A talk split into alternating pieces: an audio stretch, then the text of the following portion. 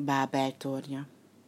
Noé fiainak leszármazottai megsokasodtak és megszaporodtak az özönvíz után, és a sok családnak, nemzetségnek, mind az egész földnek egy volt a nyelve.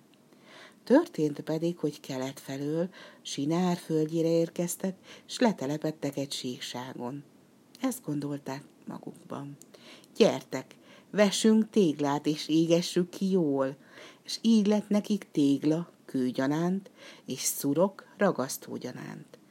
Majd azt mondták egymásnak, építsünk magunknak várost és tornyot, melynek teteje érje el a mennyet, és szerezzünk magunknak nevet, hogy el ne széledjünk az egész földnek színén.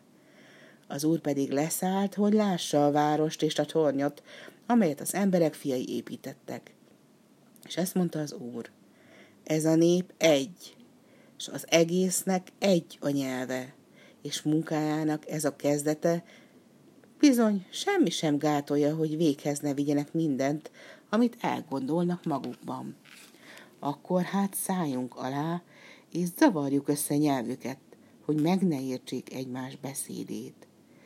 És elszélesztette őket onnan az úr az egész földszínén, és nem építették tovább a várost.